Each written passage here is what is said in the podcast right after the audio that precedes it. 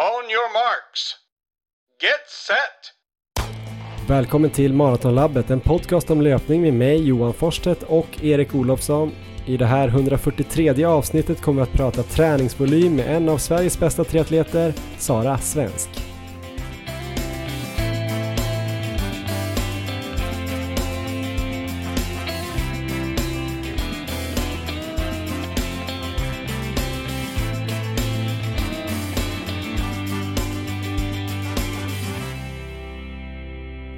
Hej och välkomna till eh, podden Maratonlabbet. Eh, jag som pratar nu heter alltså Johan Forstedt och med mig från Uppsala har jag Erik Olofsson. Hur är läget med dig? Det är bra Johan.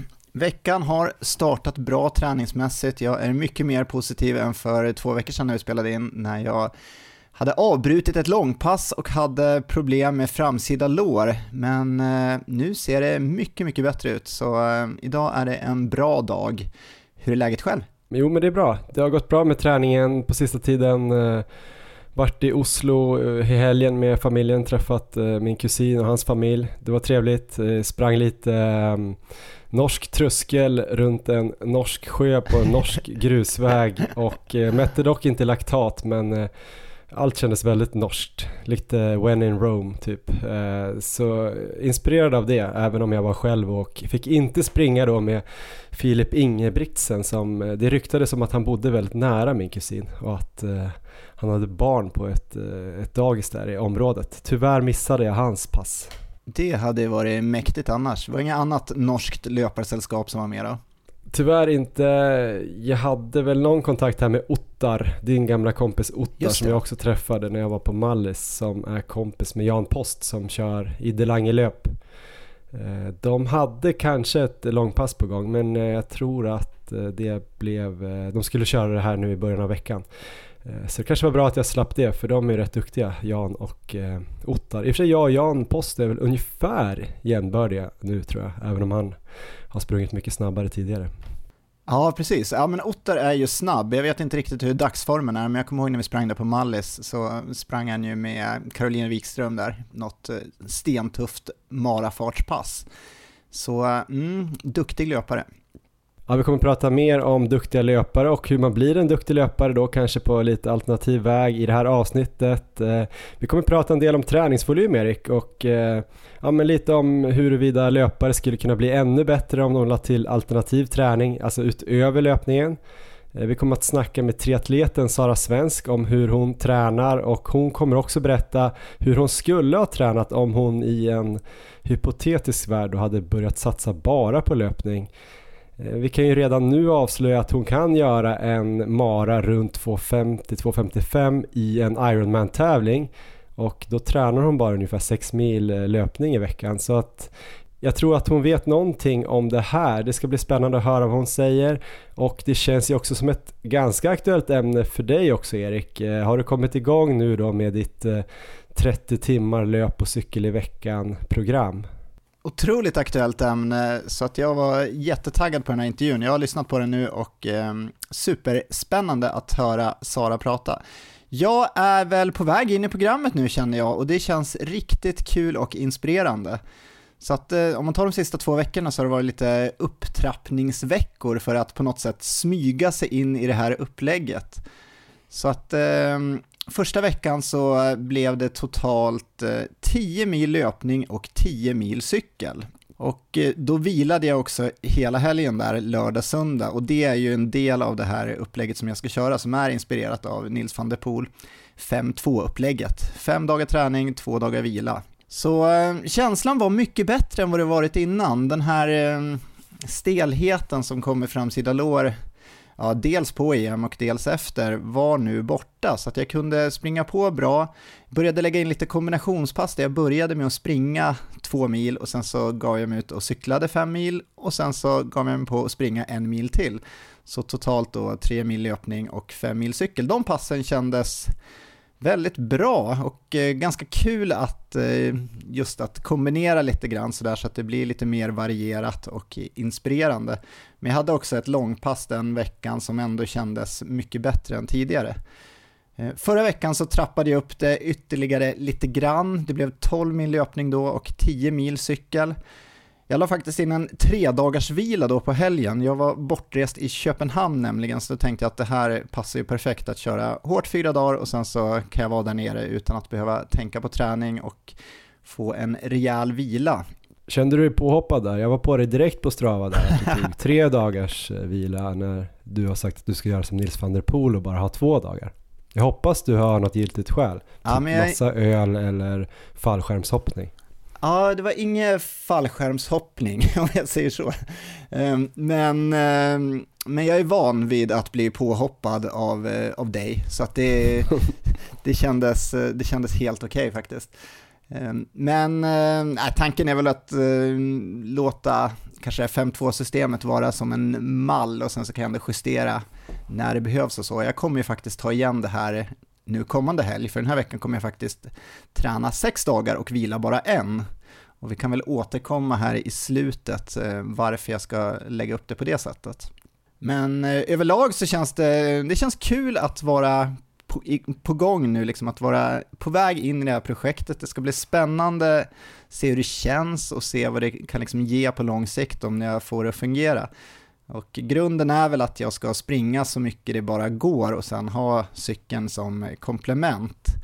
Så att eh, den här veckan har jag startat med massa löpning. Vi spelar in här nu på eh, onsdag morgon och jag sprang fem mil på måndagen, fem mil på tisdagen och sen har jag varit ute och eh, sprungit en mil nu på morgonen innan inspelning och när vi är klara så ska jag ut och springa ännu mer så får vi se om jag kommer upp i fem mil, det kanske jag inte gör idag men fyra mil kanske totalt i alla fall.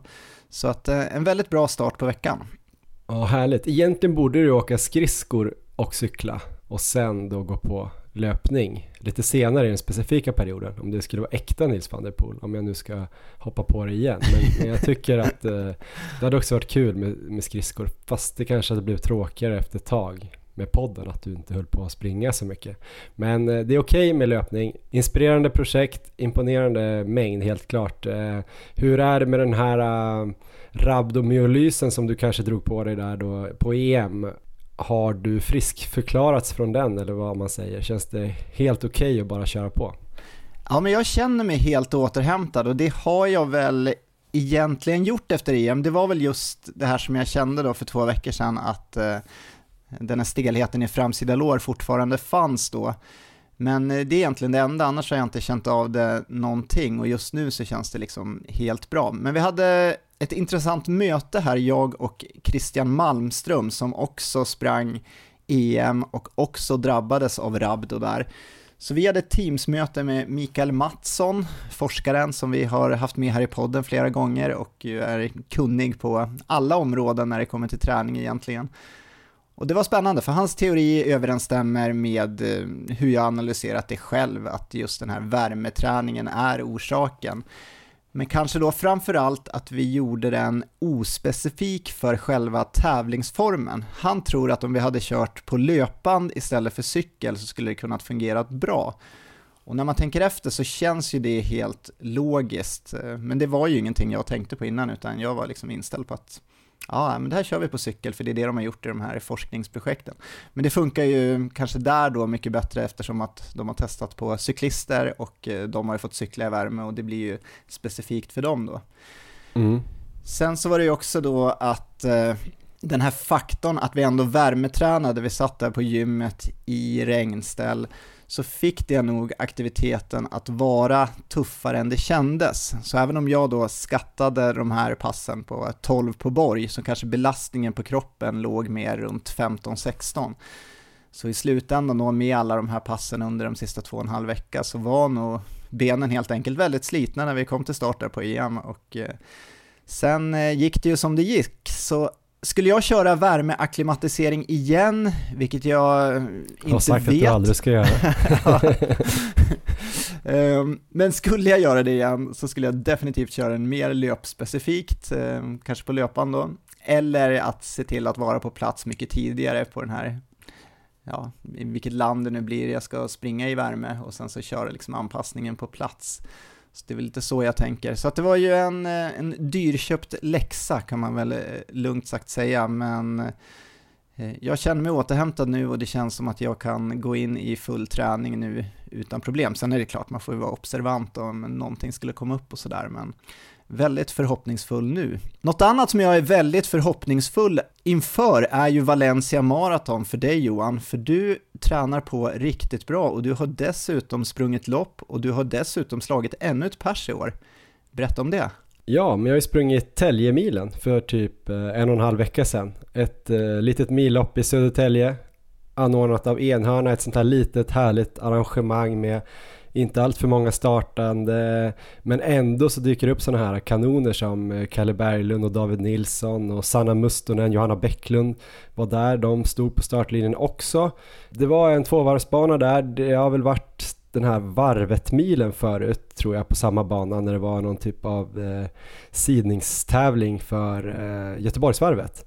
Men platt, eh, eller alltså inte pannkaksplatt sådär som när man har varit till exempel då i, i Valencia eller något och sprungit när man inte känner en backe någonstans. Utan det var någon liten backe i starten då och runt sex på andra varvet. Men eh, bra förhållanden, lite för blåsigt kanske eh, okej okay, kropp och sådär. Eh, nu låter det som att jag eh, drar fram en massa bortförklaringar till varför jag inte sprang ännu snabbare. Men jag sprang i alla fall på 34-31 så det var ett litet pers eh, 11 sekunder då från Örebro i juni i fjol. Så 11 sekunder på vad det nu kan vara 15-16 månader har jag blivit bättre då på 10 kilometer. Ganska lite kan man väl ändå säga att det är mindre än en sekund i månaden.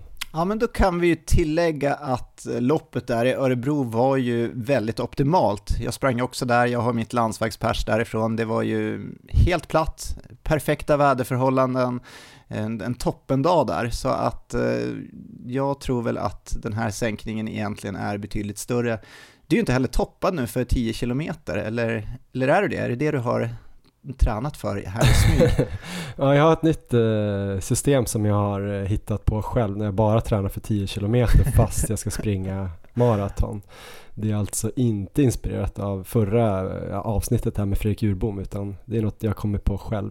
Nej då, jag är inte toppad för 10 km. Däremot så drog jag ju ner lite på träningen inför det här loppet för jag ville verkligen eh, sätta ett pers. Det var ju lite mitt mål att få med mig ett till pers. Eh, nu har jag ju ändå tre pers från säsongen på typ tre sådana starter då på banor som jag känner till, alltså halvmaraton och Lidingöloppet och här. Även om de har varit väldigt, väldigt små de här persen så har det ändå varit tre pers. Det tycker jag är kul att ta med sig.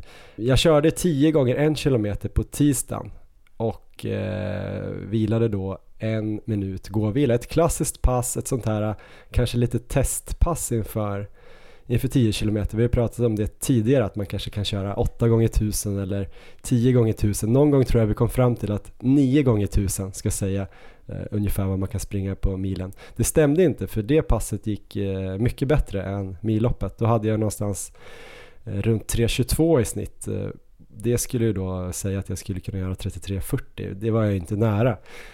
Jag hade väl vissa förhoppningar om att jag skulle kunna nosa på sub 34, i alla fall låga 34. Jag hade 17-11 på första halvan av det här loppet. Men kände väl att jag inte orkade hålla ihop det. Jag fick eh, ja, springa ganska mycket själv, eller dra själv. Jag hade en kille bakom mig där från 4-5 kilometer och kände väl efter ett tag att jag kanske blev mer intresserad av att eh, säkra ett PB än att ja, springa riktigt, riktigt hårt. Även om jag var supertrött vid målgång sådär. Men jag fick inte kanske ut det där sista, sista lilla. Men jag hade aldrig gjort 34 den dagen. Nej, alltså det är ju spännande det där, eh, om man tänker det vi pratade lite om tidigare, att köra flera 10 km lopp eh, nära inpå. Det ska ju vara spännande att få se dig här på ännu en start eh, på 10 km, kanske någon vecka efter eller två veckor efter och se vad det här loppet kan ge. Det har jag upplevt själv i alla fall att eh jag tror mitt 10 km pers på bana är ett sånt, bland annat när jag körde ett lopp eh, innan och sen så liksom en vecka efter kör ett till, så man får den där genomköraren, man blir lite formtoppad eh, och eh, en person som var med i det här loppet i Södertälje och som sprang nu förra helgen var det väl i Norge, Hytteplanmila var ju Sanna Musternan, hon sprang ju höga 33 tror jag i Södertälje och eh, låga 33 borta i Norge. Det är klart det skiljer ju på banan så kanske och eh, det är ju en välkänt snabb bana där borta i Norge, men eh, riktigt eh, fina lopp och eh, en rejäl sänkning där i alla fall på kort tid. Mm. Hon har sprungit många lopp här på slutet. Eh, är väl inne i någon typ av grundperiod, men jag vet inte om hon kanske släppte upp lite mer inför hytteplan också. Eh, plus att det är nog lite bättre standard där på löparna. Ett större lopp, många som kan springa ja, jag vet inte, från 28-29 och ner mot 40. Alltså jag tror att i alla nivåer där så är det, är det ett myller av folk som jag har förstått det. Så det kanske finns mer ryggar. Jag vet att hon fick springa rätt mycket själv i, på Täljemilen, men ändå 33-13 gjorde hon ju på hytteplan. Och eh, ja, min originalplan var ju att springa kanske Hässelby först som någon typ av test och känna hur känns det att springa 10 km nu igen och sen kanske bara få in ett pass mellan där och sen springa Täljemilen. Men jag kände att det tog lite för mycket tid från maratonträningen. Jag har inte så många veckor på mig för Valencia så jag tänkte jag nöjer mig med ett lopp och eh, sen slängde jag ju faktiskt in ett till lopp den här dagen då som ett straff för att jag började köra 10 km lopp eh, mitt i mara, mara-perioden. Så jag körde ett lopp, eh, jag tror jag kom väl i mål där då 11.34, 31 i Södertälje och så, ja du vet man snackade lite med någon och sen joggade jag ner, eh, tog lite energi, sen körde jag in till stan så sprang jag Djurgårdsvarvet, Fredrikshofs nya tävling. Och där då eh, så, ja men jag satt på mig någon nummerlapp eh, och sen harade jag för sub 40 där. Och det var väl tanken att det skulle bli lite typ av maratonfart då, kanske lite långsammare men på tunga ben. Eh, och det var det ju, även om det gick ganska bra att springa, springa där på 40. Så en bra genomkörare fick jag ändå. Det blev nog 28-29 km på dagen totalt ändå. Så jag tycker att det kanske kvalar in till slut då, under maratonträning. Ja men det känns som lite specifikt, lite som eh, Canovas special block där med de här dubbelpassen med ganska många kilometer i. Har du fått in någonting annat maratonspecifikt också sen senast? Ja men jag har fått till ett pass eh, som jag kanske kan berätta för dig om och för de som vill lyssna. Det var ett pass som var 32 kilometer totalt. Det var precis innan jag åkte till Oslo för jag visste att jag inte skulle kanske kunna köra långpass där. Så då körde jag då 20 kilometer i eh, 4.25 blev det. Eh, följt då av direkt på 10 kilometer lite jojo. Det var först då tre gånger en kilometer på, en kilometer av och sen 4 gånger 500 på och 500 av direkt, alltså inga vilor där. Och då var ju tanken att jag skulle ligga runt 3.35 på de snabba delarna och 4.00 på de ja, långsamma delarna. Och jag lyckades väl inte riktigt komma upp i 3.35 fart eh, på alla. Så jag låg väl där snitt kanske runt 3.38 någonstans tror jag, kanske 3.40 och så var jag väl runt 4, 4.02 på dem långsamma. Eh, det var eh, svårt muskulärt att komma upp i fart. Det var ganska kallt så man var lite stel. Sen blir jag rätt trött av, alltså i benen av de där första 20 kilometerna. Men jag tror det är precis det jag behöver. Vi har ju snackat om det tidigare att kanske köra ganska utmanande långpass eller framförallt köra hård fart när jag redan är trött. Alltså just för att bli bättre där och kanske lära min kropp att inte få kramp. Eh, pulsen var ju superbra. Fick ingen kramp även om jag var lite, lite orolig där. Eller inte orolig, men jag började tänka på det när det blir så 25-26 km. Jag tror det är någonting min hjärna är van att ah, nu borde det kanske börja bli lite kramp. Så jag kände efter väldigt mycket men det kändes ganska bra. Bra tillfälle att testa lite energiupplägg eh, och sådär också. Så bra pass. Grymt! Ja, men det här ser ju otroligt lovande ut inför Valencia. Då kan du göra en Grand Slam där och eh, ta fyra pers på ett år. Ja, men det är helt klart eh, minimimålet i, i Valencia, Erik. Eh, men det är lång väg dit så vi får se vad, vart det landar. Kanske kan snacka lite mer om det i slutet av avsnittet, vad jag borde sikta på.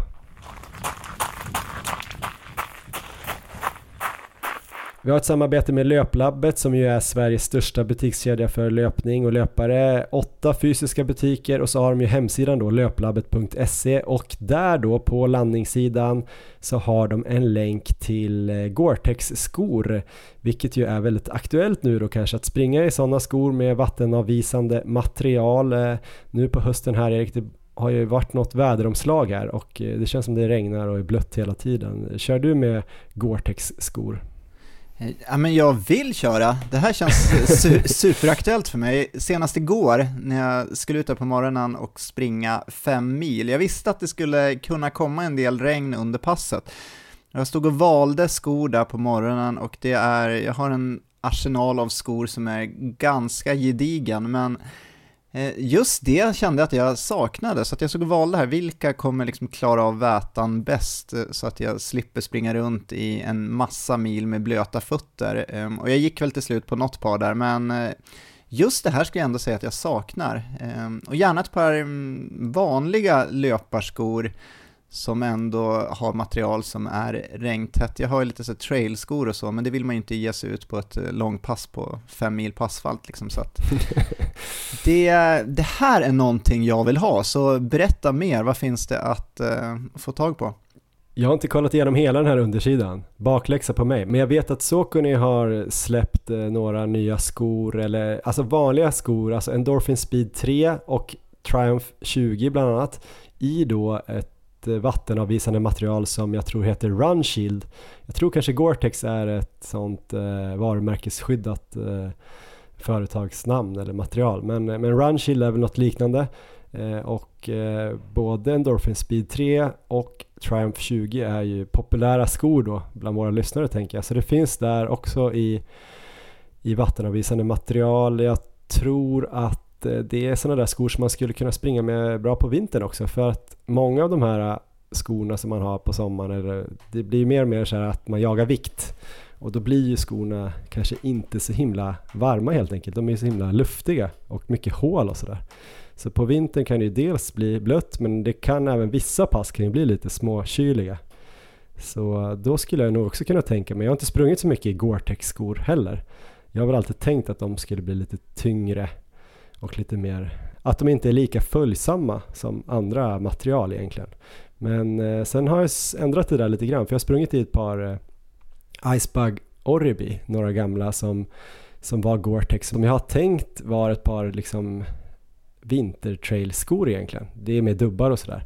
Men jag började springa med dem i somras och kände att de var ju superhärliga och det var något sånt där fjällpass som det kändes som att jag höll mig torr väldigt, väldigt länge och det var faktiskt eh, skönare än vad jag trodde. Vanligtvis brukar jag bara tänka så här, ja men jag ska ju ändå snart duscha, jag kommer ju ändå bli blöt av svett eller regn och sådär. Det spelar väl ingen roll om fötterna är blöta också, men eh, eh, det kan ju vara lite mysigt. Speciellt nu då för dig Erik, om du ska springa bort på massa lunchrestauranger och sådär och, och äta kebab i Storvreta och så. Då vill man ju gå in där med ett par torra fötter tänker jag. Ja, men det här, det här låter briljant. Jag vill gärna ha ett par sådana här. Ja, men gå in och kolla på löplabbet.se då Erik. Vi har också ett samarbete med Flowlife, det svenska företaget som är känt för sina prisvinnande återhämtningsprodukter. De är ju också officiell partner till den svenska OS-truppen både vinter och sommar. Och faktum är ju att om man inte har tillgång kanske till massör eller naprapat Eh, så här, eh, regelbundet så kan man faktiskt få bra hjälp av exempelvis deras massagepistoler eller den här massagekudden Flow Pillow Heat. Och vid vissa tillfällen här under vår poddhistoria så känns det som att din löpmängd Erik nästan har möjliggjorts av eh, att använda de här produkterna rätt mycket. Jag tänker främst när du hade problem med vaderna och du använde massagepistolen väldigt mycket.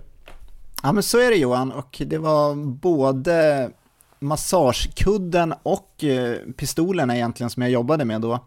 Så det var framförallt kanske när jag behövde mer punktmassage som jag gick på med pistolerna och sen så satt jag väldigt mycket och masserade vaderna då när jag kollade på tv och det hjälpte väldigt mycket för att jag avskyr att jinxa det här men jag har ju faktiskt inga problem med vaderna nu så eh, det har ju blivit klart mycket bättre. Ehm, så att, eh, och nu i den här perioden som kommer med all den träningen jag ska få in så gissar jag att jag kommer sitta dagligen här med flow pillow och när problemen börjar komma, för det kommer de att komma, det kommer ju bli stelheter och annat, så är det ju underbart att ha de här pistolerna tillgängliga också. Mm, det kan vara en liten pusselbit för att du ska kunna fortsätta träna så här hårt som du ska göra eller gör nu och kommer att göra. På flowlife.com har de också en kampanj just nu där man får 25% rabatt om man köper två produkter. Eh, 100 dagars nöjd kundgaranti gäller som vanligt. Eh, flowlife.com alltså. Erik, jag skulle också bara snabbt vilja prata lite om en klocka jag har fått testa här under hösten. Eh, det är en Garmin Forerunner 955. Eh, en modell som kom i somras och då är efterföljare till 945 och 935. Känner du till den här nya 955 någonting Erik? Eh, egentligen inte, så berätta. jag vet inte om man skulle kunna säga att det är en triathlonklocka egentligen, för den har väl en del mer avancerade funktioner för simning eh, som varken du eller jag kanske kommer behöva eftersom vi behöver mest bara eh, jag vet inte, flytredskap när vi ska simma. Eh, men eh, om man bara ska springa tror jag att man kommer rätt långt med Forerunner 255 som också kom i somras. Eh, det är väldigt mycket som är likt i de här två klockorna men jag tror eh, 955 är lite mer premium och kartfunktionen vet jag är mycket mer utvecklad vilket jag tror jag kommer kunna få eh, nytta av och jag hade gärna velat haft det när jag var i, på Mallis i våras till exempel och sprungit mycket i bergen där. Men hur som helst är det några andra saker som jag än så länge har fastnat för nu när jag testat den här. Eh, batteritiden Erik, jag laddar den ungefär en gång per vecka. Stor skillnad från tidigare när jag har liksom laddat varje dag eller varannan dag. Ah, just det. Jag har haft en lite äldre variant av, av en Garmin-klocka. Och då har jag ändå haft den här på mig dygnet runt egentligen för att testa det här alla de här andra mätverktygen, alltså med, man kan få heart rate variability, man får sömnanalys, eh, ja, men återhämtningstiden blir mer eh, Eh, korrekt om man har på sig den hela tiden. Sen kan det ju också vara lite stressande att alltid bli mätt, eh, så jag får se hur länge jag kommer göra det här. Men det har varit spännande att, eh, att följa det här. Ehm, jag tycker den mäter väldigt bra och till exempel handledspulsen Erik, mycket bättre än vad jag tidigare upplevt man brukar ju snacka om det ibland att eh, handledspuls inte riktigt är tillförlitligt överhuvudtaget egentligen. Man ser på Strava att någon frågar om, om man hade pulsband eller hur var pulsen så skriver folk att äh, det var handledspuls så att eh, ta det med en nypa salt. Du brukar ju fråga mig om jag haft pulsband och sådär. Och när jag tidigare haft handledspuls har det kunnat varit alltså jätte, jättefel. Ja, mitt förtroende historiskt för handledspuls är ju noll. Eh, så att eh, hur är det med den här klockan? Alltså det är mer än noll i alla fall. Jag tycker att det har funkat rätt bra. Jag ska inte säga att det funkar för alla för jag har för mig att det kan vara så att klockorna mäter olika bra beroende på hur, hur ljus eller mörk hy man har, kanske hur hårig arm den man har eller hur den sitter och sådär. Men eh, alltså på distansrundor har jag ju sprungit flera stycken när jag har haft eh, pulsband kopplat till min gamla klocka och så har jag kört handledspuls på 955 och då har jag fått liksom i princip samma medelpuls och maxpuls på de passen. Alltså det har skilt typ ett slag på medelvärdena. Och när jag har kollat ner då i realtid då och då för att kolla, då har det skilt typ 1 3 slag max. Även på, jag hade ett långpass där jag sprang en del marafart, så lite snabbare ändå. Eh, runt 350 fart, så pulsen gick upp då betydligt, men då mätte den också i princip exakt samma. Men det var ganska flackt och samma puls hela tiden, då verkar den funka väldigt bra. Eh, så nu känner jag inte att jag behöver ha någonsin egentligen pulsband på, på distans eller saker som är väldigt flack och där jag springer längre tempon i alla fall. Däremot har jag sett lite skillnad när jag har sprungit kuperat. Jag sprang ju hela Lidingöloppet en gång som träning. Då hade jag också två klockor och pulsband till min gamla. Då märkte jag väl att eh, det var eftersläpning på handledspulsen på 955 så ibland när man kom upp i backarna, alltså precis på krönet, så hade jag ganska hög puls med pulsbandet men betydligt lägre puls på eh, handledspulsen. Däremot så kom det typ när jag var på väg ner för backen. Då plötsligt hade jag ganska hög puls. Ah, så det var lite seg där. Men däremot så snittpulsen var i princip samma så det är möjligt att den mätte mätte okej okay, totalt sett så man kanske skulle kunna använda den så bara för att mäta liksom ansträngningen om man vill kolla hur hård veckan var och sådär. Men just i, i, alltså man kanske skulle inte kanske pacea sig på Lidingöloppet efter den. Det skulle jag inte våga. Men eh, ja, jag tycker i alla fall att än så länge har jag fått väldigt bra eh, upplevelse av den här klockan och om ni som lyssnar här undrar någonting som ni vill att jag ska testa med den här klockan, om ni är lite sugna på en Forerunner 955 så skicka in gärna och be mig prova någonting. Jag har väl en hel del saker kvar att testa. Eh, ni kan också skicka in om ni vet någonting som har funkat riktigt dåligt för er så kan jag väl kolla om det är så på min också. Så ska jag ju berätta det också. För jag har ju bara fått den här att testa, jag får säga vad jag vill. Har du någon fråga Erik? Ja men det har jag Johan, du har redan sålt in den väldigt bra för mig känner jag. Batteritiden är ju oerhört viktigt för mig, så att eh, det är ju ett jätteplus. Och det här med handledspulsen också, det tyckte jag lät spännande. Men eh, jag är ju intresserad, jag vet att du älskar ju att springa runt och lyssna på fåglarna och eh, mm miljön runt omkring dig. Jag springer ju ofta med hörlurar och lyssnar på musik och annat. Har den här klockan möjlighet att eh, liksom ladda ner spellistor från Spotify och eh, liknande? Har du testat det? Ja, absolut. Jag har ju faktiskt aldrig haft en klocka tidigare som har kunnat spela upp musik. Och jag har alltid tänkt lite grann att så här, det verkar ändå mäckigt. Jag har tänkt att jag kan ju ha med mig mobilen lika gärna och spela liksom precis vad jag vill hela tiden eftersom man är uppkopplad. Eh, samtidigt så tycker jag inte alltid att det är så skönt att ha med mig mobilen. Så nu har det varit kul att testa för att jag har ju bara kopplat den här då till min Spotify. Det lyckades jag med. Det var lite krångel med det. Eh, det funkade inte exakt så smidigt som det stod i bruksanvisningen. Men jag hittade ganska snabbt efter en liten Google-felsökning hur man skulle göra. Eh, och då funkar det och när man väl hade kopplat ihop dem var det väldigt lätt. Då är det ju bara att om jag har då en spellista på, på telefonen och min klocka är kopplad till telefonen så ser jag spellistan i klockan eh, kan jag bläddra mellan mina spellistor och sen väljer jag typ den här lugna löpfavoriter med fågelljud. och så trycker jag bara ladda ner och så det gick väldigt snabbt också tyckte jag. Det beror ju såklart på hur stor den här listan är.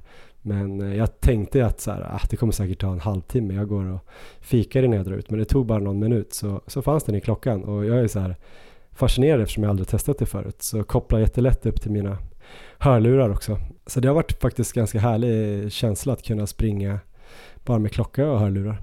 Ja, men det är ju superplus. Slipper man ha med telefonen ut på passet också om man inte vill det och ta massa selfies och grejer. Men, um... Det är väl nästa grej. En klocka som också kan fota selfies till Instagram eller filma reels. Just det.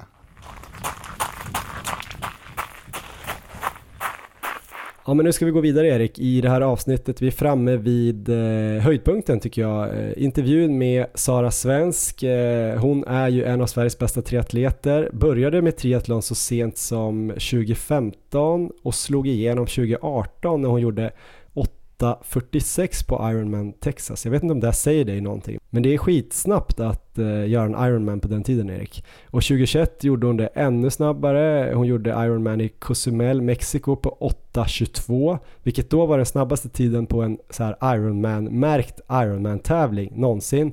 Blev lite i skuggan av att Blumenfelt också gjorde den snabbaste Ironman-tiden där. Det var hans eh, Ironman-debut.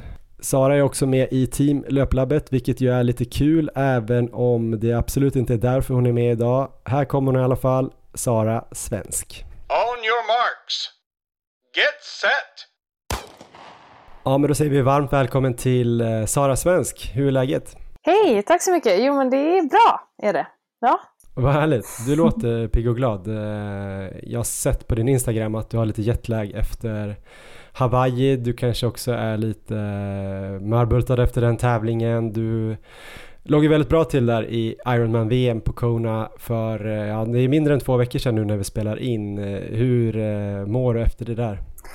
Jo men fysiskt så mår kroppen känns ganska bra. Eh, I och med att jag inte avslutade tävlingen, vi kommer väl in på det sen, så är jag inte riktigt lika mörbultad rent eh, kroppsligt. Liksom. Men sen så var det, är det andra sviter och sånt som hänger kvar. Eh, och jetlagen är ju, oh gud. Resa österut tycker jag är helt fruktansvärt. Men den här tiden är ganska bra. Nu är man relativt pigg. Men det kommer en dipp snart. Ja, men jag tänker att vi börjar där ändå för att uh, få ett litet mått på hur, hur duktig du faktiskt är, även om du inte kom i mål på Hawaii här nu senast. Men uh, mm. du låg väldigt bra till och gjorde framförallt en, en superbra cykling. Kan du inte berätta lite själv om loppet uh, och sen kanske prata lite om hur det avslutades då? Ja, om man börjar från start med simningen så är det ju Alltså rent generellt, det är väldigt annorlunda att stå och titta på eh, en simstart och att vara själva simstarten. Det är som att man, det är liksom två helt olika upplevelser. Eh, och man är väldigt inne i sin egna lilla bubbla där. Eh, när man försöker placera sig eh, på bästa möjliga sätt vid eh, de personer man hoppas kunna simma med och komma iväg bra på simningen, vilket jag faktiskt inte lyckades särskilt bra med. Eh, men jag hade nog lite flyt sen när starten väl hade gått och lyckades komma in i en grupp till slut ändå. Och där kunde jag se att det var en del bra cyklister med i den gruppen och kände att även om vi kanske inte simmar jättefort så är jag i alla fall eh, med i en bra grupp och det kommer kunna bli bra sen på cyklingen. Eh, och sen när jag kom upp efter simningen så var det, det var en långsam simning, eh, men också delvis för att det var ganska mycket strömmar. Det var ingenting man märkte när man simmade, men alla simmade generellt väldigt långsamt eh, just den dagen. Och det, så är det där ute. Ibland är det jättevågigt, ibland är det mycket undervattensströmmar, så det, det är svårt att, svårt att veta. Eh, men sen upp till eh, eh för cyklingen så Eh, man har ju, mellan sim och cykel så är det någonting vi kallar för en växling där man ja, ska helt enkelt ta på sig sina cykelkläder. Eh, I och med att jag hade lite besvär redan då så tappade jag en stor del av eh, gruppen som jag ville cykla med i, eh, i första växlingen. Eh, men sen så var jag ganska trygg i att ah, jag kan trycka på ganska hårt för att komma ikapp de här utan att det kommer påverka mig senare i loppet. Så det var väl det som var taktiken de första 10 kilometrarna, att komma ikapp. Och det lyckades jag med ganska bra. Och sen hade jag en fin grupp att cykla med. I triathlon så får man ju inte man får inte cykla liksom på rulle. Eh, så man får inte ligga precis bakom. Vi har en 12 meters regel. Men även om man ligger 12 meter bakom så har man ju hjälp från varandra. Rent liksom eh, vindmässigt, även om det inte är mycket så är det lite, men också bara det att du du är inte helt ensam. Du är faktiskt med några och kan liksom eh, pacea sig lite efter varandra. Eh, så, och jag var ju en, alltså, en perfekt grupp med, eh, vet inte riktigt hur mycket du och era lyssnare känner till om triathlon, men vi har ju greatest of all time, Daniela Riff, som eh, är en Uber-cyklist och hon var en av dem som var i den här gruppen. Eh, plus tre andra väldigt starka cyklister. Eh, bland annat för detta, eller liksom, ja, för detta VM-vinnaren. Eh, så det var ju helt perfekt. Eh, och det var en jättebra cykling med eh, väldigt pigga ben när jag kom in också. Eh, så kände mig väldigt eh, positiv inför löpningen. Var du topp tre va, på cykelsträckan? Jag hade andra bästa cykeltid. Andra till ja. Mm. Så det, det, det, är ingenting man riktigt har koll på där, men eh, jag visste ju att jag hade cyklat bra för att cyklade jag om många och även många som inte riktigt kunde hänga på. Uh, och jag kom in som nummer, jag kom in som nummer sex tror jag, uh, precis efter uh, Lisa Nordén och hon som vann sen då. Och som sagt, väldigt positiv inför löpningen. men sen kom vi till det då att jag jag hade ju två veckor innan loppet dragit på mig en plantarfascit som kom ganska så akut. Och jag kände väl direkt när jag hoppade av cykeln när man springer barfota att ah, det här, även om benen är pigga så är inte foten särskilt, eh, särskilt pigg. Men eh, man är inne i det och tänker att kanske lite adrenalin så kommer det här kunna gå bra. Eh, och det gick bra eh, i början fram till att det ja, inte gick längre. Delvis på grund av foten eh, också. Och att jag började snedbelasta och fick jätteproblem med mitt ena knä. Ja, så det var egentligen det som gjorde att det inte gick att fortsätta helt enkelt. Hur länge kunde du springa? Eh, jag sprang, jag tror att det blev ungefär 21 kilometer, 21-22 och sen så försökte jag gå eh, för att se och liksom försöka st stretcha ut och lätta på skosnören och göra liksom lite små grejer för att se ifall det skulle kunna gå och fortsätta. Men eh, det var någon gång där efter att jag hade gått igenom någon vätskestation och någonting när det liksom, nu kan jag inte ens mm, få runt mitt ben. Alltså tänk dig som ett löparknäll. Har du, om, du, om du haft det någon gång? Alltså när det verkligen så här, det, går liksom inte att böja på, på benet. Och, så det gick helt enkelt inte. Då, då låg jag ju som nummer fem tror jag. Just det. Men eh, det är ju helt hypotetiskt, eh, för det beror ju på såklart hur trötta folk var just i den där tävlingen, men du vet väl på ett ungefär hur bra de andra damerna är på att springa. Vad tror du att du hade kunnat gjort om i en perfekt värld där du inte hade haft problem med foten och sen inte fått problem med knät då? Eh, I en perfekt värld, eh, alltså jag hade ju siktet inställt på att springa typ en mm, 250-255 mara.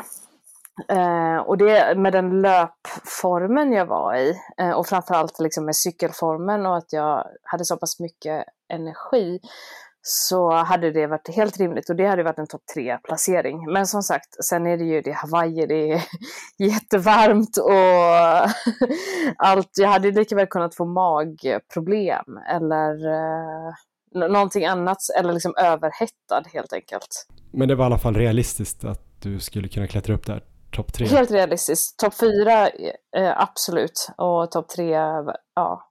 Men vad var det som hände med foten då, två veckor innan? Vet du det? Det brukar kanske inte komma sådär Nej. akut en plantarfascit. Eh, verkligen inte. Eh, jag har aldrig haft några besvär med mina fötter. Eh, jag tror att det var en kombination av eh, Eh, kanske att jag hade lite besvär med eh, underbenen, tibialis posterior. Det har jag av och till. Och att jag testade ett par nya skor. Okay. Kanske inte var de nya skorna, det kanske var no någon av de andra skorna också. Men eh, det är väl det jag kan liksom härleda till, att jag hade en väldig liksom, spänning i foten. För jag fick, om det var efter ett löppass, så kände jag lite granna på natten och sen så gick det helt över. Och så sprang jag två dagar senare och kände pyttelite under passet men sen så vaknade jag på natten och hade det alltså, så fruktansvärt ont och kunde inte gå dagen efter. Och då minns jag det löppasset så hade jag sprungit och det är när man känner att ah, jag är så trött under mina fötter. Jag sprang och liksom kramade med tårna. Och sen när passet var klart, det första jag gjorde var bara att slita av mig skorna och gå barfota. För att liksom, det gick inte att ha på sig skorna längre för att det gjorde så det var så obekvämt och det kan ju vara en kombination, kanske är det skorna eller så var det fötterna var så svullna i värmen som var eller ja, vad det nu kan ha varit som hänt. Men jag hade ju ganska mycket kontakt med eh, ja, men, sjukgymnaster, naprapater och allt och de, ingen var så väldigt orolig. De var det här kommer att lägga sig. Vila, liksom bara ta det lite lugnt nu. Och jag sprang ju inte fram till hela loppet.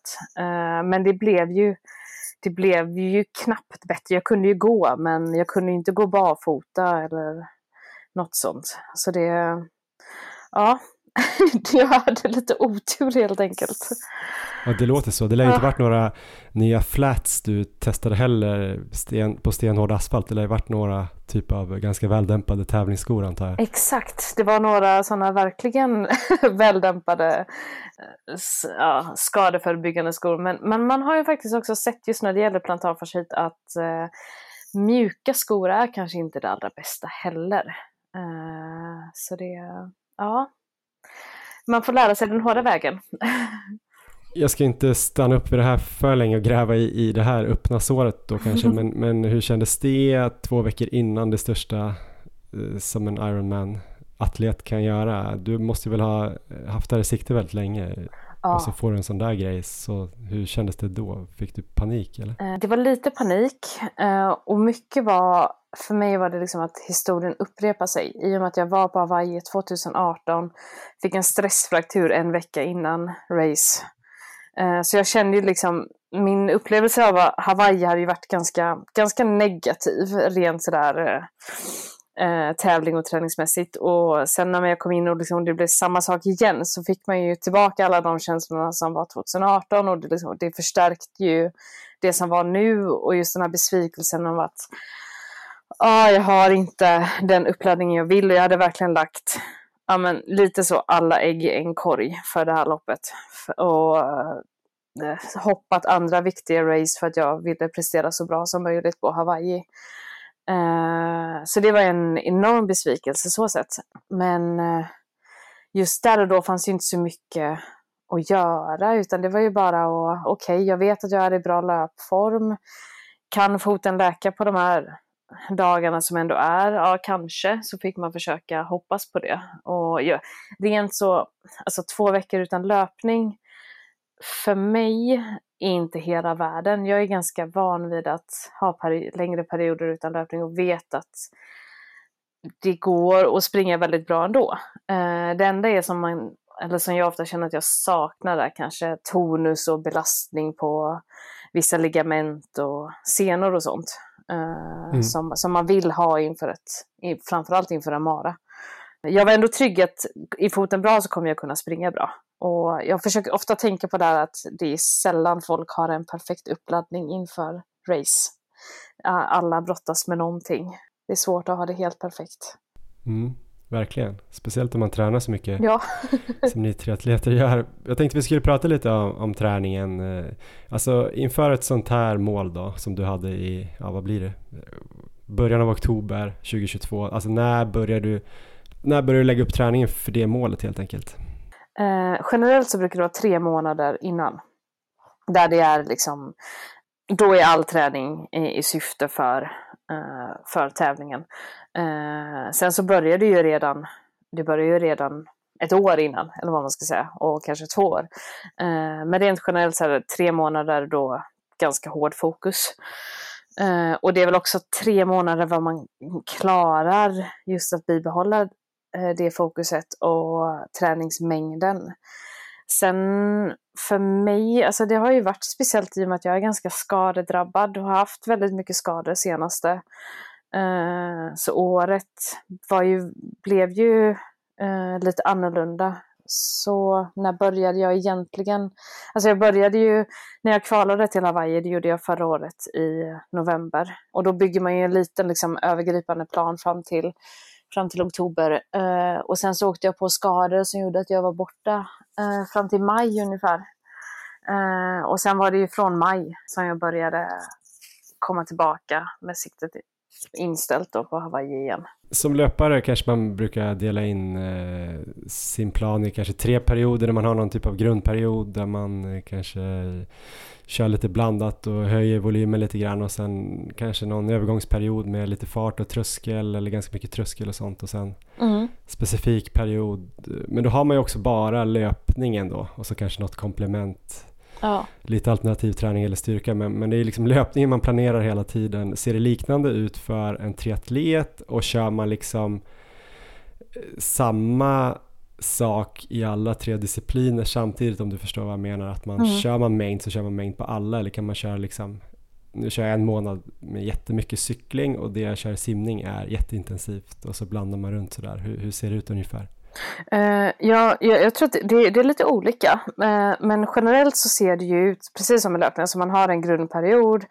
Uh, man har kanske, alltså beroende på vad ens metabola profil eller ens styrkor och svagheter är så kanske man har ett VO2-block eller ett tröskelblock och sen så kanske mer tävlingsspecifikt ju närmare tävling du kommer. det är väl liksom generellt. och då är det väl lite över alla grenar. Eh, speciellt det tävlingsspecifika blir ju ganska mycket över alla grenar. Eh, det som kan skilja är väl kanske att eh, du kan ju ofta ha volym kanske på cykel och löp men så kanske du har mer intensitet på sim. Eh, vissa kanske gillar att kombinera att du har eh, volym eh, simcykel och intensiteten på löpningen.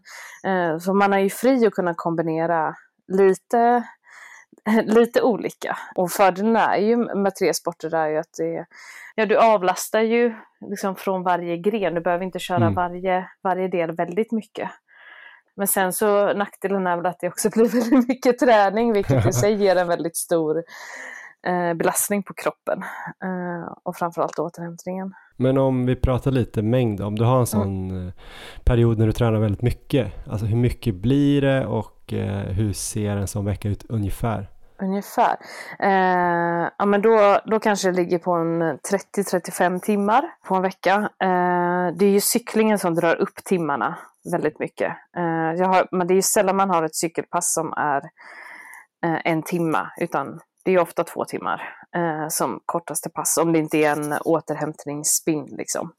Men då kanske det är fördelning att man har tre längre pass på cykel på den veckan som kanske är från ja, men med ett långpass så räknar man från fyra till sju timmar eh, beroende på.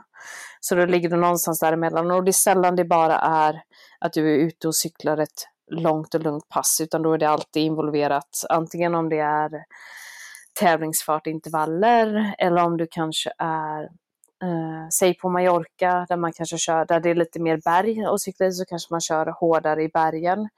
Eh, och lite lugnare emellan. Eh, men liksom aldrig bara helt aerobt utan någonting eh, involverat.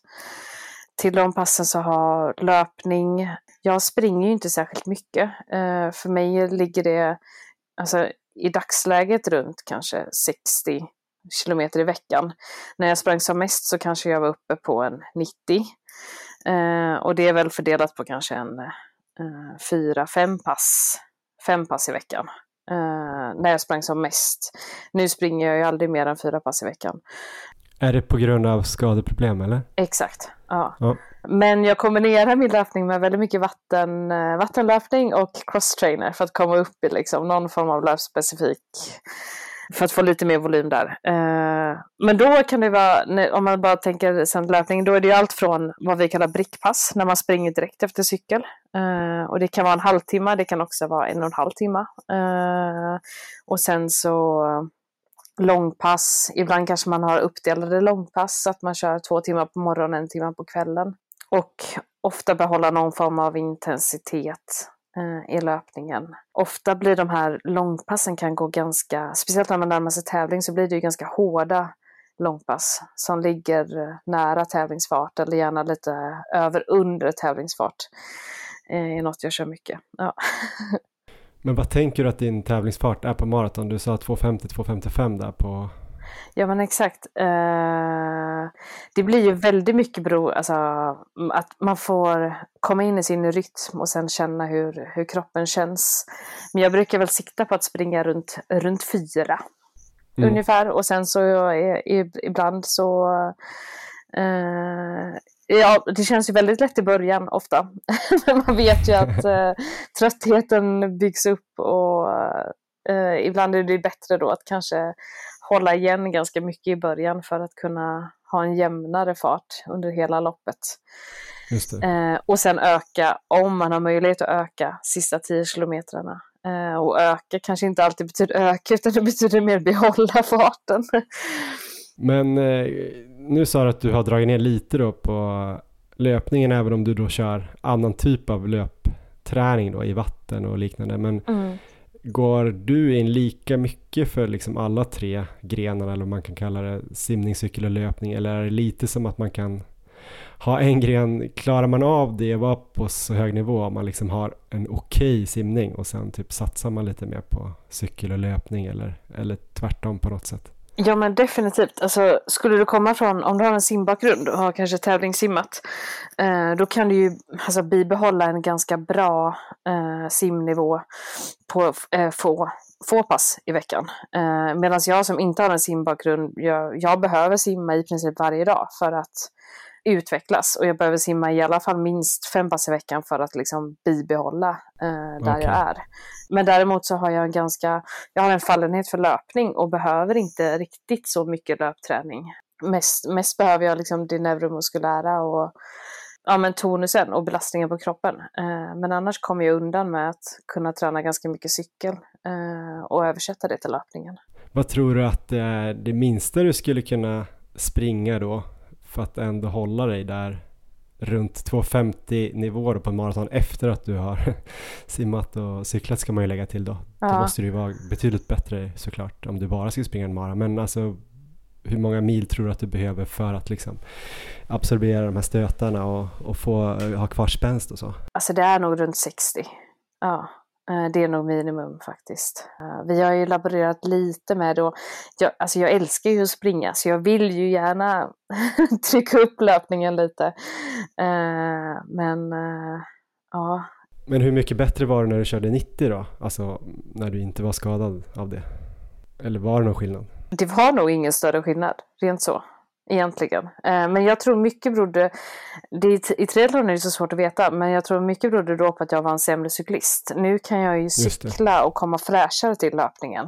Och vilket gör att, kanske då om jag, det är svårt att säga, men hade jag sprungit 90 nu så hade jag antagligen sprungit bättre. Det kan jag nog ändå tänka mig. En annan hypotetisk fråga då, om du inte har provat, jag vet inte, men vad skulle du kunna göra på ett maraton om du inte har ja, knappt 4 kilometer simning i kroppen och 18 mil cykling? Oj, eh, är alltså jättesvårt. Kanske 2,40 om jag tränar för det eller någonting sånt. Kan typ, jag har aldrig sprungit en, en mara.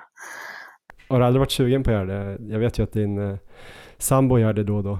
Ja, jo, men jag, verkligen. Eh, jag har varit väldigt sugen. Men eh, det, det hade ju varit kanske någon sån här höstmara, men jag, som sagt, mycket skador som sätter käppar i hjulet för det. Men det är definitivt ett mål inför framtiden. Spännande. Mm.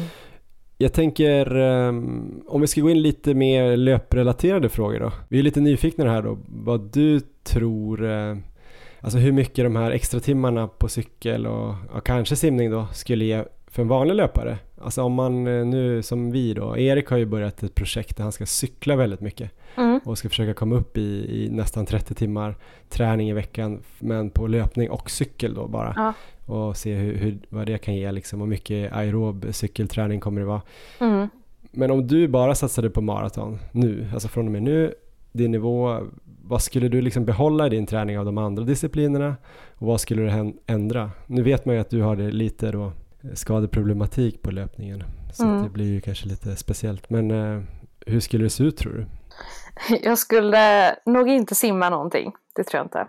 Kanske att jag hade kört någon simning som något återhämtningspass. För det, det är väldigt skönt, eh, speciellt efter hårda löppass, att eh, hoppa i poolen och bara simma en halvtimme för att få liksom lite genomströmning. Så det är kanske något jag hade behållit. Eh, och sen det jag framförallt hade behållit är nog eh, alltså de längre cykelpassen, just för att lägga en eh, aerob bas eh, och, eller bibehålla. Och, och kanske något intensivt cykelpass också. Eh, rent för att det, bygg, alltså det bygger mycket muskelstyrka och är ändå relativt skonsamt om man jämför med att göra samma, samma pass rent i löpning. Så kanske för att få in något mer intensivt pulshöjande eller vad man ska säga.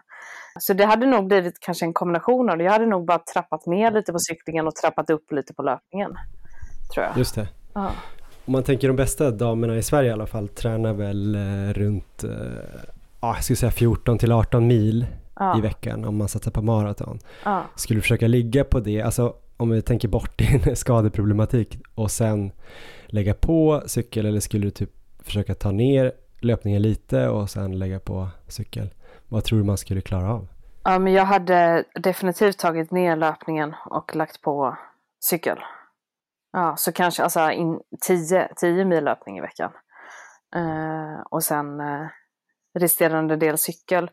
Eh, om man har möjlighet. Alltså, jag gillar ju vattenlöpning och crosstrainer väldigt bra. Eh, och så finns det ju andra varianter, alltså som inte en sån alter G, men det finns ju, det är många triatleter som använder eh, som en ställning man sätter på löpbanden för att reducera kroppsvikt. Och jag hade nog lagt in sånt, tror jag också. Men om du tänker en löpare som inte har några skadproblem. Ja. ja. Skulle man kunna, alltså det blir också hypotetiskt, vi får antagligen inte testa det här mer än på Erik då kanske. Men, men eh, jag tänker, om man springer 15 mil och är så pass duktig så att man gör 2.30 på, på maraton ja. så blir inte det mycket mer än ja, kanske 10-12 timmar max. Och när du pratar om 30 35 timmar så känns det som att det finns mycket mer att göra om man har möjlighet att satsa så mycket. Tror du att det skulle kunna ge mycket mer? Eller vad tänker du ja, om eh, löpare? Eh, jo, men utan definitivt. att hänga ut löpare? Eh, om, man, eh, om, man, om man kan springa 15, 15 mil i veckan. Alltså jag glömmer bort att det bara är 12-15 timmar. Det känns helt otroligt. Ja, men det, och sen alltså, lägga på längre cykelpass. Det tror jag. Uh, just för att ha det, ja men ha liksom, ha grunden. Sen så springer man bara, då kommer du ju aldrig, du kommer inte springa längre än 2.30. Men det finns ju ändå, man vet ju kanske inte riktigt varför, men just att ha en bra bas är ju ovärderligt och ger ju otroligt mycket. Så kan man lägga in längre cykelpass bara för att eh, för liksom hjärt och lungsystem så tror jag att det är absolut. Ja. Mm. Vad tycker du då skulle vara långa cykelpass då för löpare? Ja men alltså upp mot en fyra timmar i alla fall. Mm. Ja. Spännande. Skulle du då om du fick vara coach åt en löpare, skulle du nu har du kanske inte hunnit tänka på det här så jättemycket, men eh, skulle man springa och cykla samma dag eller skulle man köra liksom någon bara cykeldag då? Uh, bra fråga. Är man bara löpare så kanske det kan vara skönt att ha eh, en dag fri från löpning tänker jag och så kör man ett längre cykelpass på det sättet. Men vill man, vill man ändå då alltså springa 15 mil i veckan så kanske det kräver att du i alla fall springer sex dagar i veckan, antar jag. Uh, och om du vill lägga in mer än ett cykelpass så är det ju alltså det är inga problem att springa och cykla samma dag. Man kanske inte ska lägga, man kan ju, liksom, eh, klart det funkar, vi kör ju ibland två hårda pass, ett hårt cykel, ett hårt löp. Och så kör man en lugnare dag efteråt. Något sånt hade man kunnat göra. Om man inte är en van cyklist då och plötsligt börjar cykla, det här tror jag är Eriks fråga här då, men eh, vilka fallgropar finns det? Han har ju börjat här nu i veckan och eh, cyklat, eh, ja men hyfsat långa pass i alla fall. Mm. Bör man göra något för att inte, liksom att det ska påverka löptekniken sen? Alltså stretcha eller tänka på spänst eller liknande? Ja, jag tror, alltså en viktig sak är att man har en bra position på cykel.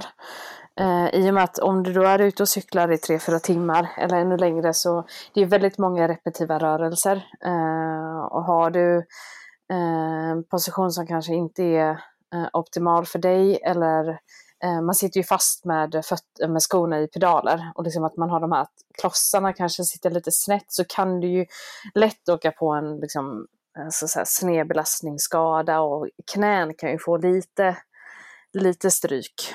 Eh, mm. Det är väl liksom det som är egentligen eh, skador i cykel. Så jag tror liksom A och O, hitta en bra position och även liksom justera positionen efter hand då ju bättre cyklist du blir. Alltså cykla varierat, variera eh, vad ska man, kadensen på benen så att du kanske cyklar en del med lite lägre, tyngre växlar och en del ganska, eh, Eh, ganska hög kadens, eh, ganska snabba ben.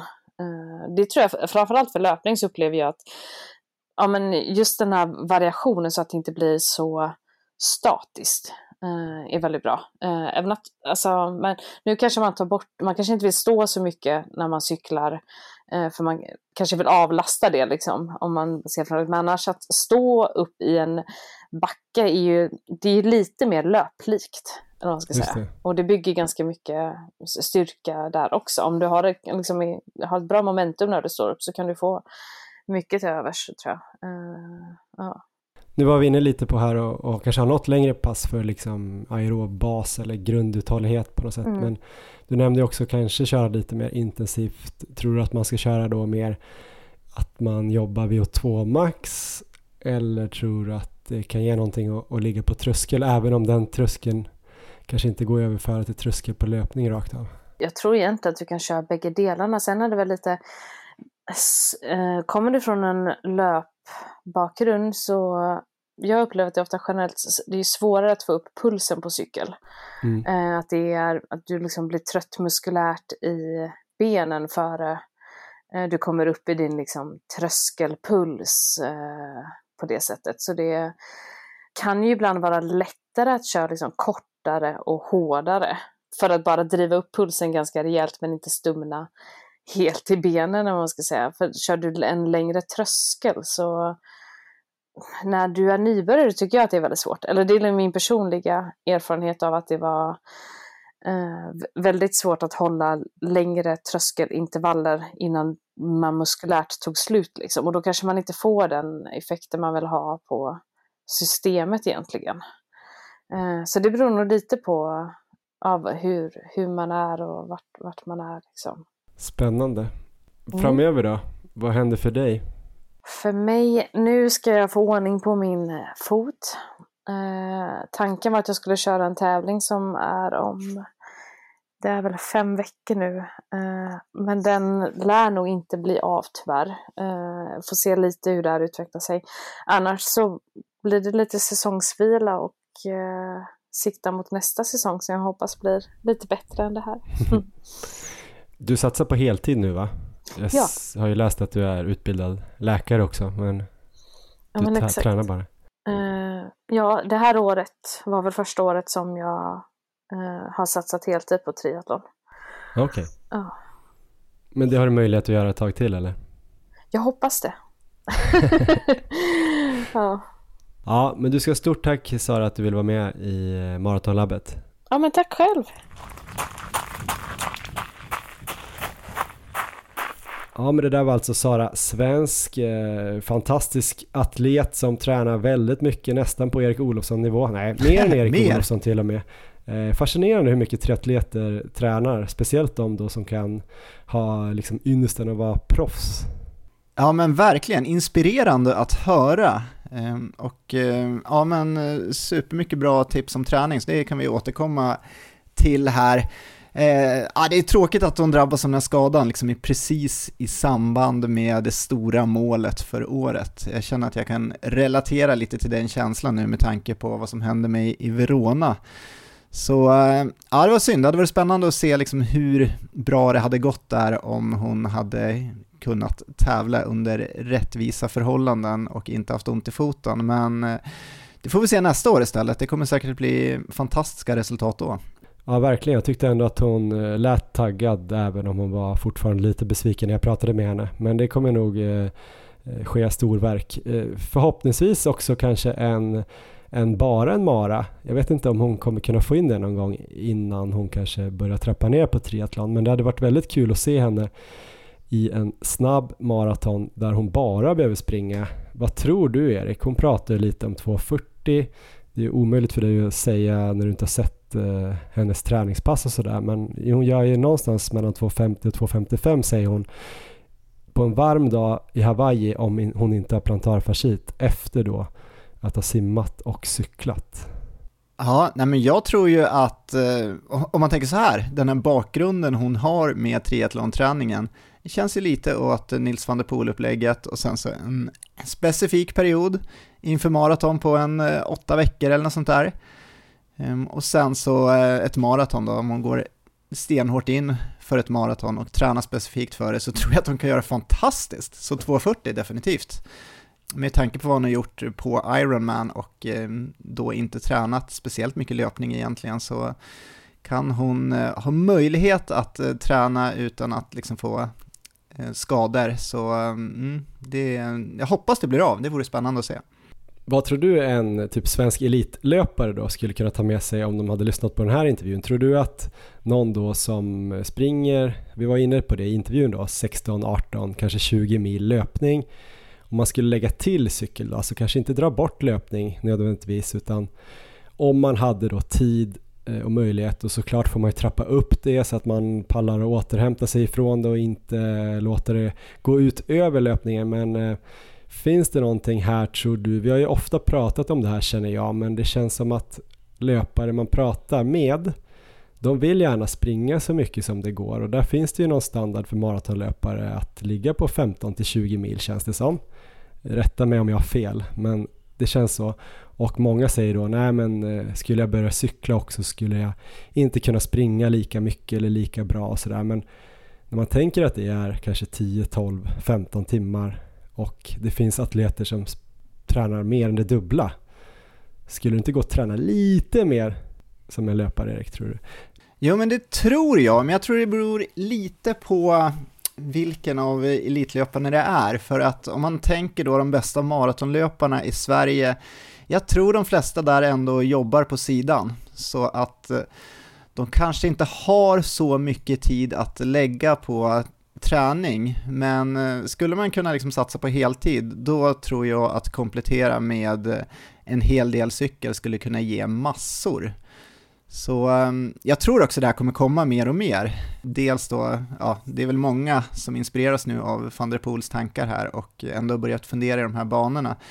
Ehm, och det finns ju en löpare i Sverige som jag vet eh, verkligen har inspirerats av det och eh, redan har börjat lägga in väldigt mycket cykel och det är ju Andreas Almgren och han har ju sprungit helt otroligt här i år så eh, med tanke på vad han har gjort och säkerligen kommer nu göra under grundperioden så blir det ju superintressant att följa honom och Andreas, jag kommer inte ihåg, men han tränar väl ändå på heltid va? Han är väl proffs? Alltså han har inte gjort det tror jag nu i år. Eller jag vet inte hur det har sett ut faktiskt. Jag ska höra mig för men jag vet ju att han har pratat om att han har jobbat ganska mycket Ah, okay. och att han har kört liksom tröskel innan han har dragit till jobbet och sen haft typ kontorsjobb. Just det är ju möjligt att han har fått lite bättre förutsättningar nu efter de här superprestationerna på sistone. Man kan ju hoppas det och det vore ju också väldigt, väldigt intressant. Alltså din satsning är också superintressant men just att eh, Almgren tävlar då i ungefär 13 minuter. Det är ungefär ja, som eh, Nils van der Poels 10 000 meter på skridsko som väl gick på runt 12 minuter. Så det är mer hans distanser eh, som Almgren tävlar på. Då. Så det skulle vara kul att se. Nu lär ju inte han ta bort jättemycket löpning har jag svårt att tänka mig, men kanske lite grann. Ja, nej men jag tror inte heller att han behöver ta bort speciellt mycket löpning, utan jag tror ju att man kan addera cykel till det här om man hinner få återhämtning eh, däremellan. Så att det är väl lite jobbsituation och sånt där det kommer in på. Och, och, precis som du säger, det här är ju superintressant eftersom att eh, det så pass mycket liknar just eh, den tiden som van der Poel tävlade på. Men sen så tror jag att det skulle fungera jättebra på maraton också och halvmaraton och andra distanser. Själv, själva upplägget så att det, jag hoppas fler och fler kommer testa det här. Jag tror väl att det kommer bli så också och eh, nu är vi inne i den här grundträningsperioden för många så att eh, det här är nog något som är värt att tänka på. Och ett av de stora plussen som man då får om man får in den här enorma aeroba basen som man har möjlighet att jobba upp här, det är ju just att när man sen ska gå in och köra mer kvalitetsträning så kommer man ju återhämta sig snabbare förhoppningsvis mellan passen där och eh, då helt enkelt kunna köra mer kvalitetsträning sen när det är dags för det. Så... Vad tror du om andra alternativa träningsmetoder då? Är det cykel du tror på? Ja, alltså jag är ju egentligen kanske fel person att fråga om alternativ träning, för jag har ju kört så otroligt lite. Jag har ju börjat cykla nu, men eh, om man tar crosstrainer och sånt här så har jag inte kört det alls egentligen, eller Eh, andra metoder, så cykel är väl det som kommer klarast för mig. Om man tar simning till exempel, då hörde jag en intervju med Gustav Iden, den oerhört duktiga triatleten, från Norge och han var inne på precis samma som Sara här att skulle han satsa enbart på löpning så skulle han behålla mycket cykelträning men simning skulle han egentligen inte eh, ha med alls. Och det är ju Sara inne på också, även om hon nämner här att ett återhämtningspass då och då kan vara ganska skönt med simning också. Så att eh, cykel definitivt. Vad tror du då Johan, vilka alternativa träningsformer annars kan passa in? Jag vet inte, jag vet ju att Erik Anfeldt kör mycket rodd det, det. Jag kommer ihåg att Johan Röjler i vår intervju med honom i våras snackade om att det som var liksom viktigt var ju att den muskulaturen som skulle jobba sen på, på löpningen skulle aktiveras bra, liksom att det var någonting med varje muskelkontraktion då som kräver då syre och eh, skapa energi i cellerna och sådär, att det var viktigast. Sen behövde det kanske inte se exakt ut som löpning då, men jag kan ju tänka mig att typ vattenlöpning och crosstraining kan vara bra sådär. De två grejerna känns ju astråkiga. Ja. Eh, men sen har det ju varit någon liten trend här, det kanske bara är eh, på min strava och i mina flöden så här, men många som håller på och stakar en massa, alltså kör längdskidor fast bara stakning. Det jag funderar på, det är ju jättebra om man ska åka Vasaloppet, men jag undrar hur mycket det liksom ger någon lokal anpassning i, i benen. Det kanske man ska fundera på, men om man bara kan staka såklart om man är skadad jättemycket i benen så, så kanske det också är bra. Det är bra för hjärtat i alla fall om man kör högintensivt. Men däremot eh, längdskidåkning, alltså kanske skate där man använder benen ganska mycket eller ja, mer alltså klassisk så här, diagonalåkning, Thomas Wassberg-style. Just det. Eh, lite mer backigt sådär, man typ småspringer. Eh, det tror jag väldigt mycket på. Hade jag bott längre norrut och hade så bott typ nära ett elljusspår där det var bra förhållanden länge med snö, då hade jag nog åkt väldigt mycket mer skidor på, på vintrarna och dragit ner löpningen och bara haft, haft några tre, fyra pass löpning för att upprätthålla typ det här med ja, klara stötar och sådär. Så hade jag nog lagt mycket skidträning. Det skulle man ju kunna göra i Stockholm men det är lite mäckigare att man måste ut ur stan och sen är det ju ofta bara massvis av Vasaloppsåkare som åker på sådana två kilometer slingor så det är inte lika kanske inspirerande. Men man får väl se, lite sånt kanske kan bli i vinter. Ja, alla hade stakat så hade du kommit som Wassberg där och kört och sen hade du sprungit som Kläb upp för backen också? Ja, kanske om, om det var liksom bara att jag skulle lägga till träning. Om, om man är skadad så ser ju det riktigt hårt ut. Mm. Men ja, jag vet inte. Vi är ju inga experter sådär. Men, men för mig då, annars, tror du att det skulle ge mig någonting att, eh, att lägga till något alternativt nu? Eller skulle jag, om jag nu lösgjorde mer tid, vore det bättre tror du att springa mer då i första hand? Ehm, ja, men det beror helt på hur mycket tid du nu får loss. Jag skulle ju vilja få upp din löpvolym lite grann om det var möjligt. Så att om du har legat nu på 10 mil, jag skulle ju tycka det var superspännande att se om du kom upp på till exempel 12 mil i veckan. Till att börja med skulle jag fokusera på att eh, komma upp i det, men om du skulle få ännu mer tid sen, då skulle jag definitivt eh, börja lägga in cykel också för dig.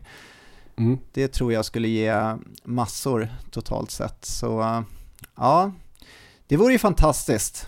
Och det här kan man ju tänka på om man har liksom pendelavstånd till jobb och sådär, eller om man ska till ställen. Då kanske det är jätteeffektivt att slänga in massa cykel istället för att eller åka hur? bil eller buss eller sådär. Det gör väl i och för sig de flesta av våra lyssnare känns ju som sådana effektiva tränande individer så det kanske är som att slå in en öppen dörr men man kan i alla fall fundera på det. Jag tror det kan ge väldigt mycket även om man inte tokcyklar och även om man inte har flera timmar till jobbet så, så om man tar en halvtimme dit och en halvtimme hem varje dag så är det ju ändå fem timmar i veckan cykel extra om man kan fortsätta springa lika mycket.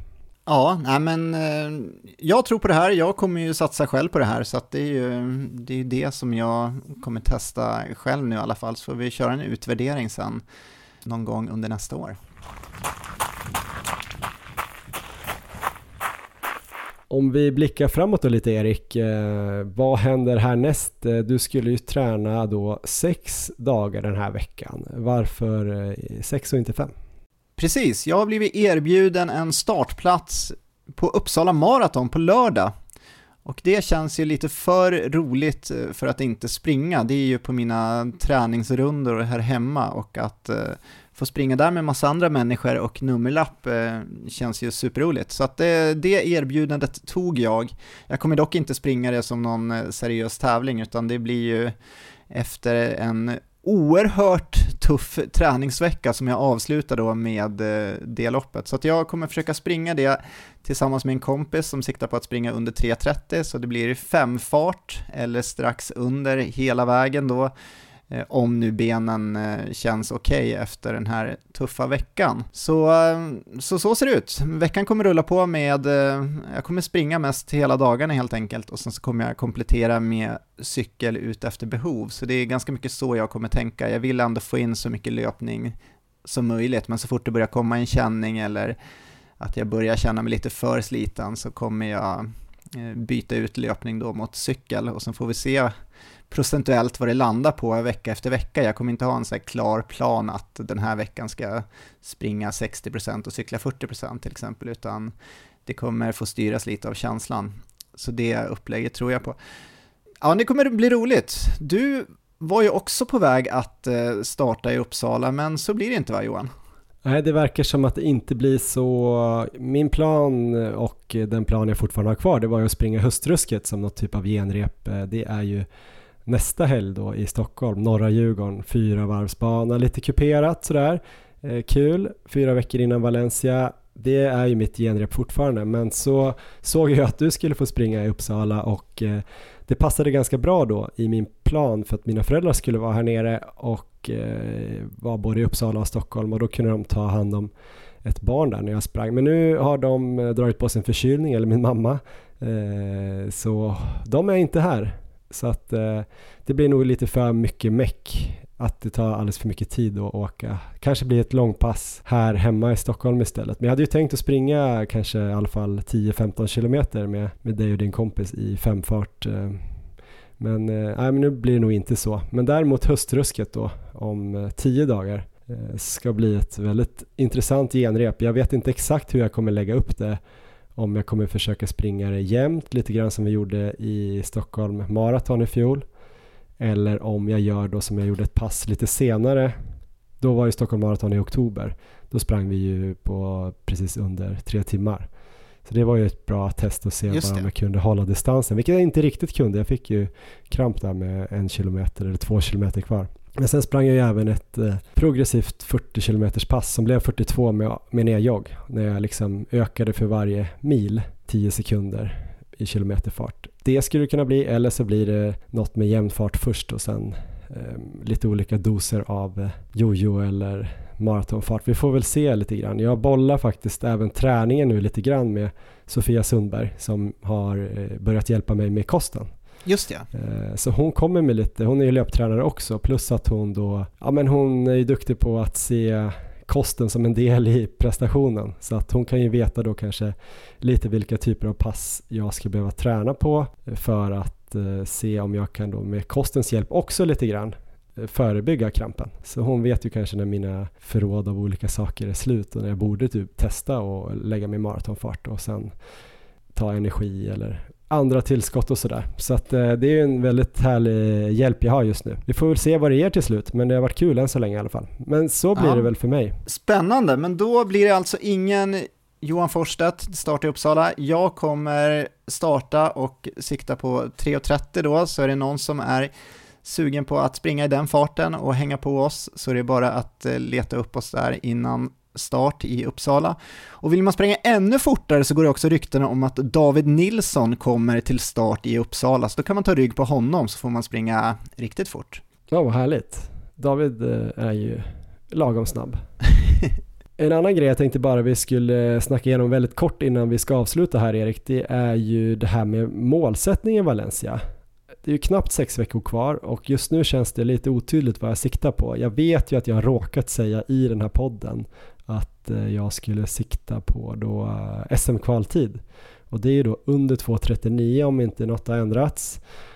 Jag vet inte, det känns läskigt, läskigt fort. Jag tror det är 3.46 fart ganska exakt. Det låter sjukt snabbt att springa i 42 kilometer, speciellt med min krampiga bakgrund här. Ehm, Så jag har funderat lite grann, jag kanske skulle kunna bolla några idéer jag har så här långt så får vi se om vi kommer framåt. Jag har ju först tre olika typer av målsättningar kan man väl säga. Eh, Vill du höra det? Dels är det typ Ja. att ha någon så här vanlig målsättning. Alltså man har en tid som jag då tränar för nu på alla mina marafartspass och sen när jag väl är i Valencia så springer jag Valencia som man borde springa ett maraton, alltså försöka gå ut i, i den farten och ligga jämnt hela loppet. Och då skulle det kunna vara sub 2.45, kanske sub 2.42 eller då sub 2.40 eller 2.39. Sen har jag det här att inte ha någon tydlig målsättning utan jag bara springer själva loppet efter puls och känsla på den här dagen. Jag kanske tränar för att ja, göra marafarten i 3.45 till 3.50 sen när jag väl är i Valencia och ser vad det kommer bli för förutsättningar, hur jag känner mig och så, så, så går jag helt enkelt efter någon puls eller hur jag känner mig och kanske inte tänker så mycket på tid. Eh, Det känns väldigt läskigt, men det kanske är smart. Eh. Eller så har det här galna upplägget som jag blev lite Åh, sugen spännande. på där efter Lidingöloppet när jag var lite när jag kände kanske att jag ändå inte kommer kunna springa en maraton utan att få kramp. Då tänkte jag så här, jag kanske ska göra något galet och bara ha lite kul. Och då tänkte jag det här att kanske persa på både halvmaraton och maraton i samma lopp. Kul! Nu har jag ju lite kanske för bra, alltså för mig själv då, halvmararekord. Jag menar inte att det är så himla bra, men, men 1.16 det är väl ett av mina bättre pers, kanske mitt bästa egentligen, även om det var på Göteborgsvarvet. Så det blir ganska hårt tror jag att springa typ 1.16 blankt första delen. Sen behöver jag ju faktiskt bara göra 1.31 på andra halvan i och för sig då eh, för att persa på maraton, för mitt maratonpers är ju inte så bra. Och jag funderar på om jag skulle göra en 16 på första delen, kanske skulle jag kunna göra en 23 eller en 24 på andra halvan. En 23 behöver jag ju för 2.39. Låter ju inte helt omöjligt. Vad tror du Erik? Eh, det låter kul. Det låter Ja. spännande att följa, så att jag, jag skulle ju verkligen sitta bänkad och följa det här om du kör det i upplägg. Jag kommer sitta och följa det ändå såklart, men jag kommer följa det extra noga om du gör så här. Det var ju några som gjorde det här i Berlin ju. Bland annat Patrik Eklund du vet med den stora Ah, vindjackan från hare. Vindemaran.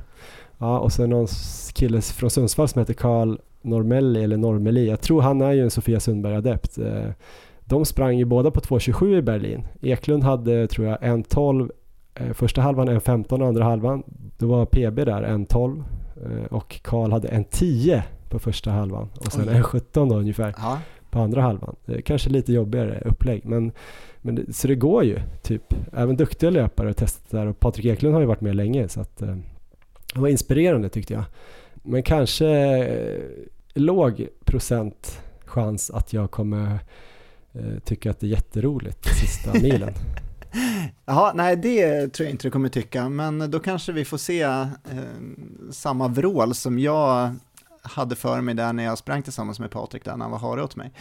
Men eh, det jag tror är risken för dig, det är väl just att om du ska springa då första halvan så snabbt så kommer du ligga så pass högt i puls att risken för kramp kommer vara markant, mycket högre än med de andra uppläggen, så att då kanske de här 1.23 eller om det då var 1.31 för pers, det kan nog vara ganska svårt att springa med kramp eh, stora delar av en halvmara.